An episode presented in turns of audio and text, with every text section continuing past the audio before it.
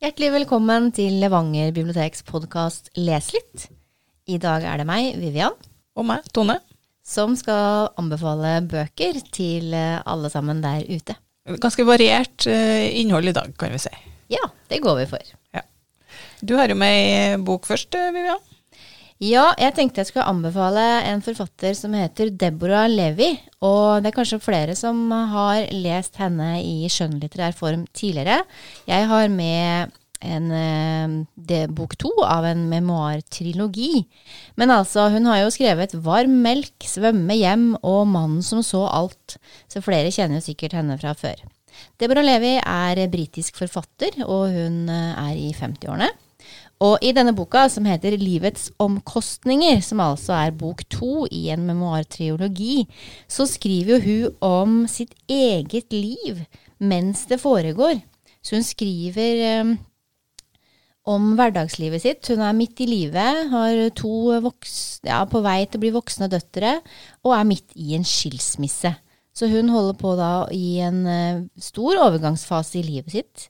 Eh, og boka er ikke så stor, den er på 200 sider, men det er en veldig fin tekst om eh, hvordan kan det være da, å havne i denne situasjonen? Og hun er jo forfatter og skriver om det her med hvor desperat hun blir når hun eh, ikke har et sted å skrive. Hvis du ikke har kjennskap til hvem Deborah Levi er fra før, så trenger du ikke å tenke at ok, da kan ikke jeg lese om hennes liv, for teksten står seg jo aleine. Uavhengig av det. For ofte så leser vi jo gjerne sånne biografier fordi vi vil, vil vite litt mer om den personen, eller Ja, det er jo litt sånn. Mm. Bøkene hennes er levende selvbiografier. Eh, hun skriver mens handlinga pågår, midt i livet, og uten noen form for etterpåklokskap. Ja. Så på en måte så kan du jo også lære om ditt eget liv med å lese om andres. Jeg synes teksten er uh, veldig fin. Tar opp sånne hverdagssituasjoner hvor man av og til trenger en, en god hjelper. Hun flytter inn i en blokkleilighet som er eh, fryktelig kald. Eh, hun har dårlig økonomi, hun må stable på beina et nytt liv.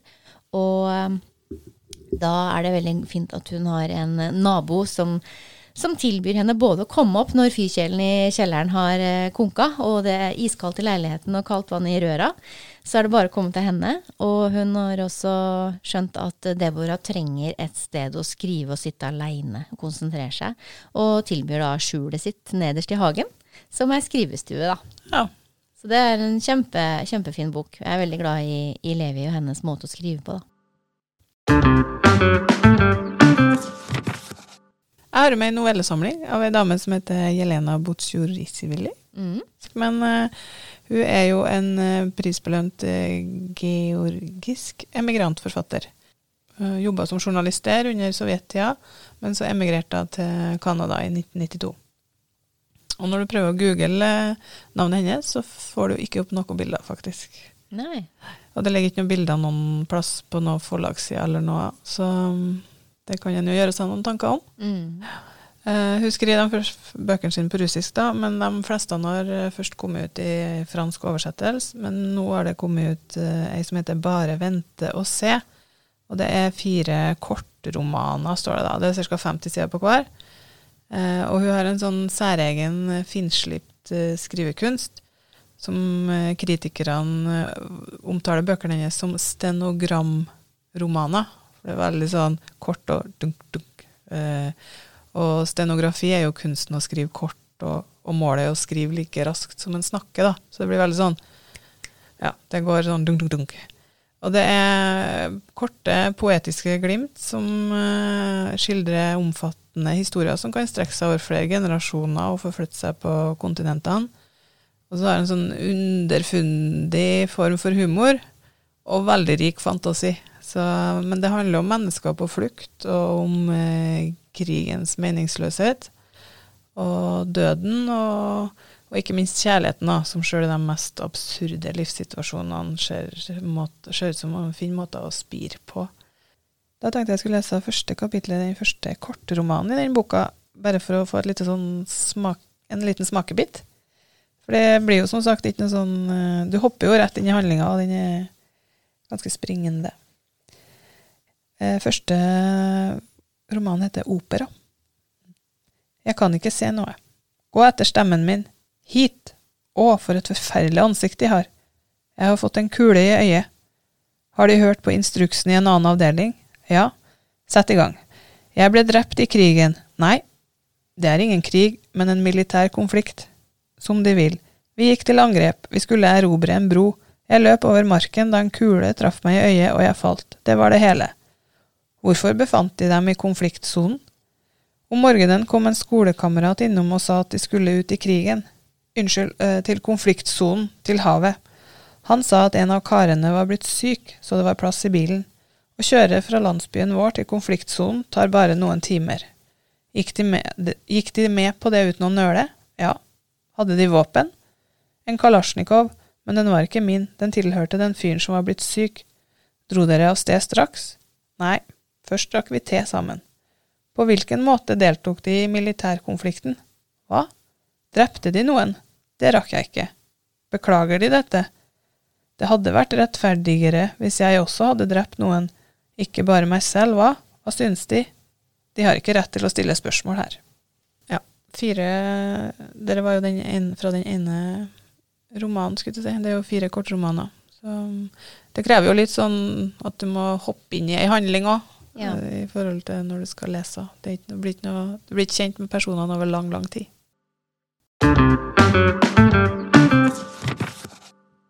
Da har vi ei bok her som heter Milano av eh, Hanne Ørstavik. Og Hanne Ørstavik er det jo veldig mange som, som kjenner godt. Eh, Hanne Ørstavik vokste opp i Finnmark og flytta til Oslo da hun var 16. Hun er cand.mag. fra Universitetet i Oslo og har fagene psykologi, fransk og sosiologi. Og den siste boka hennes kom jo i 2020 og heter Ti amo. Det er jo en roman, men hun har også skrevet om sitt eget liv, basert på egne hendelser. Hun uh, møtte jo sin ektemann som godt voksen, uh, en italiensk eh, forlegger, som dessverre døde kort tid etterpå av kreft. Mm. Men denne boka her, den heter Roman Milano. Og den handler om ei jente som heter Val, og Val hun er nå voksen, hun er 27 år gammel og jobber som illustratør. Eh, men hun har en oppvekst som har vært litt spesiell. Fordi da hun var tre år gammel, så flytta mora og faren til um, Silicon Valley i USA for å jobbe som dataprogrammerere. Og du får jo et brudd i denne relasjonen ganske tidlig i barndommen. Hvordan er det liksom Hva er det som skjer i deg som menneske når de viktigste omsorgspersonene dine drar fra deg og lar deg være igjen, og ikke kommer tilbake og henter deg. Så den her lengten etter det um, Heldigvis så har jo Val en eh, tante, Siv, og tante Siv bor i en rekkehusleilighet i Ski eh, i Norge. Og hun har gode omsorgsevner. Ja. Så det går ganske greit med Val allikevel. Hun klarer seg jo bra, men allikevel så er jo livet litt sånn underfundig, og det skjer jo mye rart. Og det er helt normalt at uh, ikke alt går som på skinner bestandig. Ja, det er litt opp og ned. Det er opp og ned. Uh, så den herre tomrommet som Val kjenner på, det drar hun jo med seg inn i voksenlivet og inn i forholdet til sin kjæreste. Ørstavik utforsker det herre når du har noen sånne hendelser tidlig i livet, og hva det kan gjøre med deg som person. Fordi Val hun er litt misunnelig på andre som um, som så lett kan snakke og ha, snakke om sine egne følelser og eh, ha et veldig sånn rikt liv. Eh, det virker som det faller så naturlig for dem, da. Alle andre har det mye bedre og mye enklere. Og, ja. ja. Mens Val hun er litt sånn at når hun kommer inn i et forhold, så, så girer hun litt opp og lager masse aktiviteter. Det skal skje noe hele tida. For da tenker hun at da er hun i bevegelse, da er det liv, da, da skjer det noe. Og hun er ganske redd for den herre stillheten, eller hvis ikke det foregår noe spesielt. Og det kan jo være eh, Det må jo Nei, jeg skal ikke si så mye. Kanskje leseren skal tenke litt på hvorfor kan det være sånn. Trenger ikke legge fram fasiten her. Nei, det skal vi jo ikke gjøre. Vi skal jo anbefale disse bøkene så folk får lyst til å lese dem. Ja. Så det er en, eh, en, bok med et veldig godt språk. Hanne Ørstavik skriver jo litt sånn som vi kaller Hun skriver litt dypt. Eh, så det krever jo en viss konsentrasjon, og man merker det når man går inn i teksten, at du, det er litt stillhet rundt det. Det er en bok som, som krever at du har fokus, og ikke bare ja, slenger innom nå og da, syns jeg, da. Ja. Og det er deilig, det òg. Ja, det er godt med noen sånne bøker der du liksom må konsentrere deg skikkelig. Ja, og hun skriver på en sånn måte at hun tar deg som leser veldig alvorlig. Ja. Mm, men du får ikke servert alt. Nei. Man tenker litt sjøl. Ja. Utfordres litt. Ja. Det liker vi jo. Så da handler det jo om det her, da, med når kan man egentlig vite om man er elsket? Og Hanne Ørstavik hun jo, har jo fått veldig mange litterære priser, og er jo en av våre mest kjente nåtidsforfattere. Men når du snakker om øh, å vite om du blir elska, da, Vivian, så har jeg med ei bok som heter 'Midnattsbiblioteket'. Ja. Og det er en øh, fantasyroman fra mm, litt øh, Men om virkeligheten, da, om man kan si det sånn. Mm. Men fantasien blir at du utforsker flere forskjellige virkeligheter. Mm. For det handler om øh, Nora, 35 år. Eh, Hun er engelsk, da, bor i England, og mm, hun er mm, Livet hennes er mistrøstig, rett og slett. Hun har aldri brukt filosofiutdannelsen sin, og hun går på antidepressiva, og er singel. Og er ensom, rett og slett. Eh, Mister jobben sin i musikksjappa, og så dør òg katta. Så da blir det liksom sånn at nei, nå, nå, nei, her er ikke verdt det, syns ikke Nora noe mer, så hun bestemmer seg for å e- ende livet sitt, rett og slett, og nei. sluke eh, piller. Det er liksom starten på boka. Men det er der fantasien begynner, da, for da havner ikke Nora hun, hun dør ikke, men hun havner i en sånn mellomstasjon, og i hennes tilfelle da, så er det på et stort bibliotek. Oi. Og der møter jeg faktisk den gamle skolebibliotekaren sin. Mrs. Helm. Og, uh, Elm, mener jeg. Og hun, mm, det er hun som liksom regjerer i det rommet der, da. Hun introduseres for eh, Angerboka. uh, der alt det hun Nora angrer på, er nedskrevet. Og så får hun muligheten til å gjøre om da, på de valgene hun har tatt opp gjennom Åh, livet. det hørtes vel bra deilig ut. Ja, ikke sant? Hvem skal prøve det? Ja. Eh, så hva hadde skjedd om hun hadde ført drømmen om å bli profesjonell svømmer? Eller hva hadde skjedd om hun ikke hadde slutta i bandet som var på nippet til å få platekontrakt? Eller eh, om hun hadde blitt isbreforsker, som var liksom barndomsdrømmen, da. Hva hadde skjedd hvis ikke hun hadde avlyst bryllupet med forloveden to dager før de skulle gifte seg? Så eh, hun får liksom utforske disse valgene, da. Det, så den er jo litt springende i handlinga her. For plutselig så er jeg jo en eh, OL-svømmer som eh, driver og har foredrag og sånn etter karrieren. Og plutselig er jeg isforsker, isbreforsker på Svalbard. Men så gjennom disse livene da, så får jeg jo flere erkjennelser. For at valgene hun tar, påvirker jo òg andre i hennes eh, liv. Mm. Eh, og, og hvis det her, her hadde skjedd, så hadde jo ikke herre skjedd. Mm. Så det, det er jo litt sånn Det er mye varme, og det er mye humor. Eh, og det skriver jeg av en forfatter som heter Matt Haig. Han er engelsk eh, forfatter og journalist, og han er Jeg har skrevet flere barne- og ungdomsbøker, og han er veldig opptatt av åpenhet omkring psykiske utfordringer. Og han har jo vært åpen på at han sjøl har slitt med depresjon og mørke tanker. Sånn at det, det er jo litt av eh, boka her å løfte litt den tematikken òg. Men er det en bok som passer best for ungdom, eller er det for alle? Nei, jeg tenker det kan være for alle. Ja. Og så setter jeg i gang noen tankeprosesser når du leser. da. Ja, men hva om jeg hadde, hvis jeg hadde gjort sånn og sånn? Hvordan Det kan jo være artig å fundere på noen gang. Mm. Sjøl om en ikke trenger å være så deprimert og trist som Nora er. Så bra vi har fantasi og kan reise litt i den. ja, og det er jo litt av eh, tanken med denne boka. Da, er jo, den er jo fundert på den muligheten til å utforske liv som vi kunne ha hatt. Og så ser vi jo at det er jo nettopp det biblioteket tilbyr oss. Litteraturen tilbyr en uh, uendelig portaler og muligheter til liv vi ikke kan leve leve sjøl. Mm. Så ja.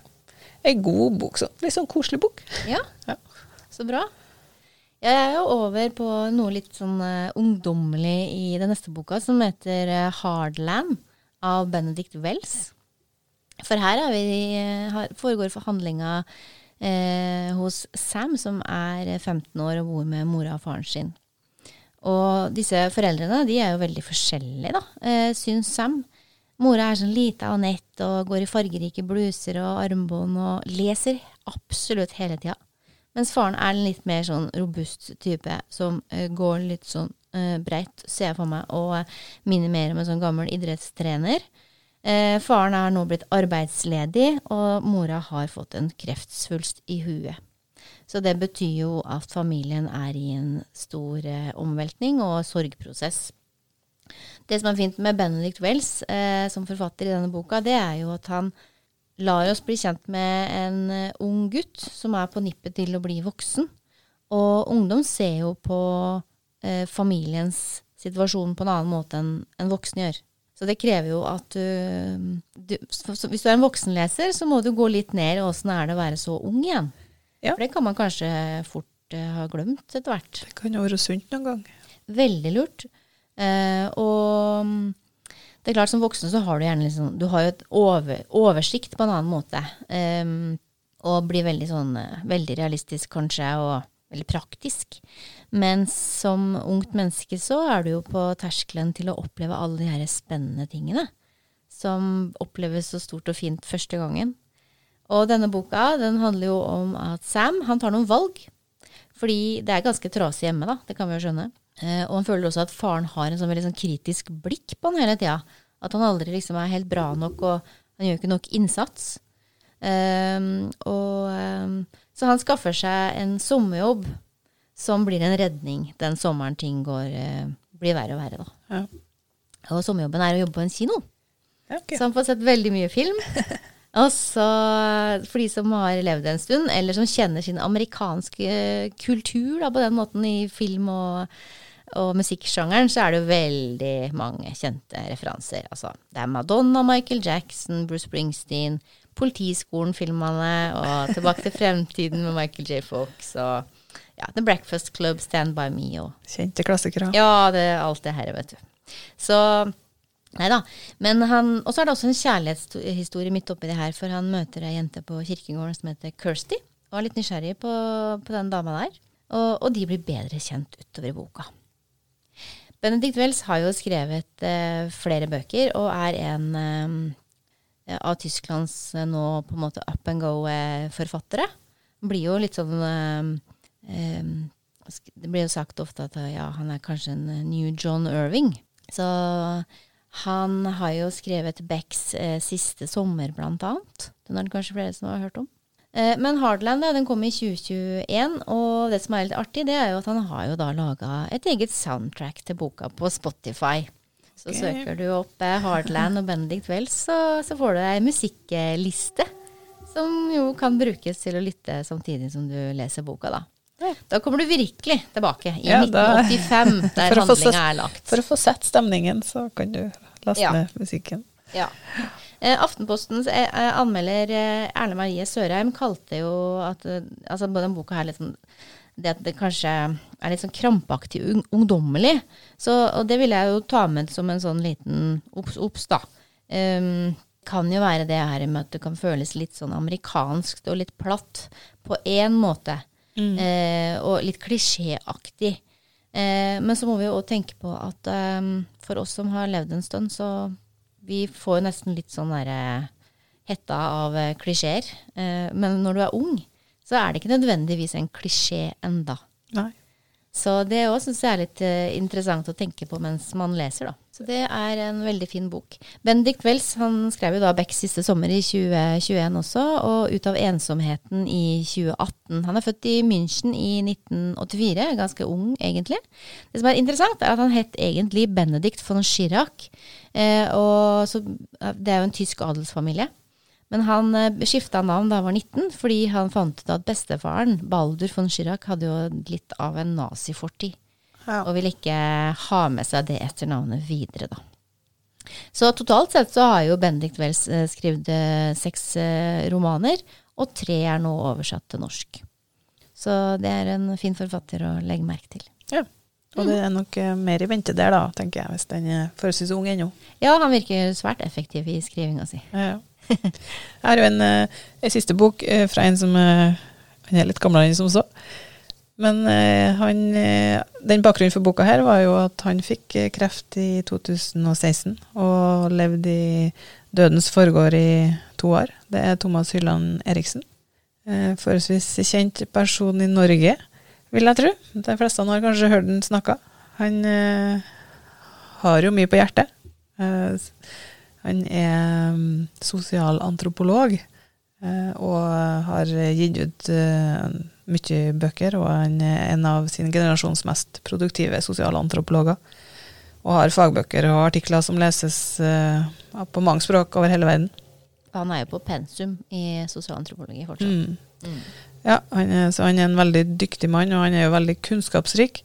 Det merker han jo i den boka òg, som heter 'Syv meninger med livet'. Det, det øses ut. og han har jo sagt sjøl at eh, hvis han skulle prøve å skrive ned alt han tenker på i løpet av, en minutt, i løpet av et minutt, så ville resultatet bli en tekst på over 100 sider. Ja, for nå han har sett han, eller hørt den på radioen eller sett den på TV, så han snakker fort. Han snakker fort, Ja. og han, snakker, han har mye å si, som sagt. Uh, men det, og det er jo det som har vært litt sånn kanskje kritikken imot denne boka, at det er litt hesblesende.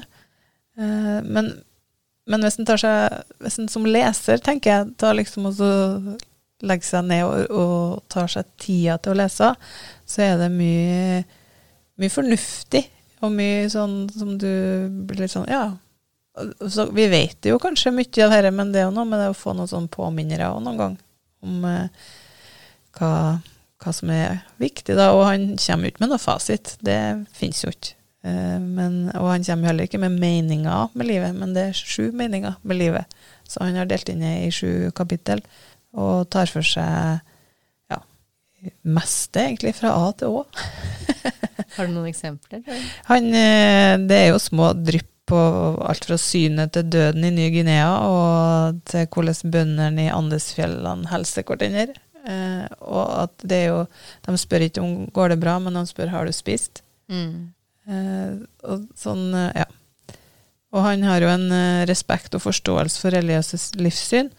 Eh, og så er jo en ikke-troende livsnyter som vi møter her, men har liksom moderasjon som førende prinsipp, da. Alt med måte. Mm. Ja. Så han forteller, og han forteller jo fra egne episoder og ting han har gjort opp gjennom livet, og reiser han har tatt. og Ganske underholdende bok, sjøl om som sagt så går det litt sånn litt hastig, og det, det springer ganske godt, da.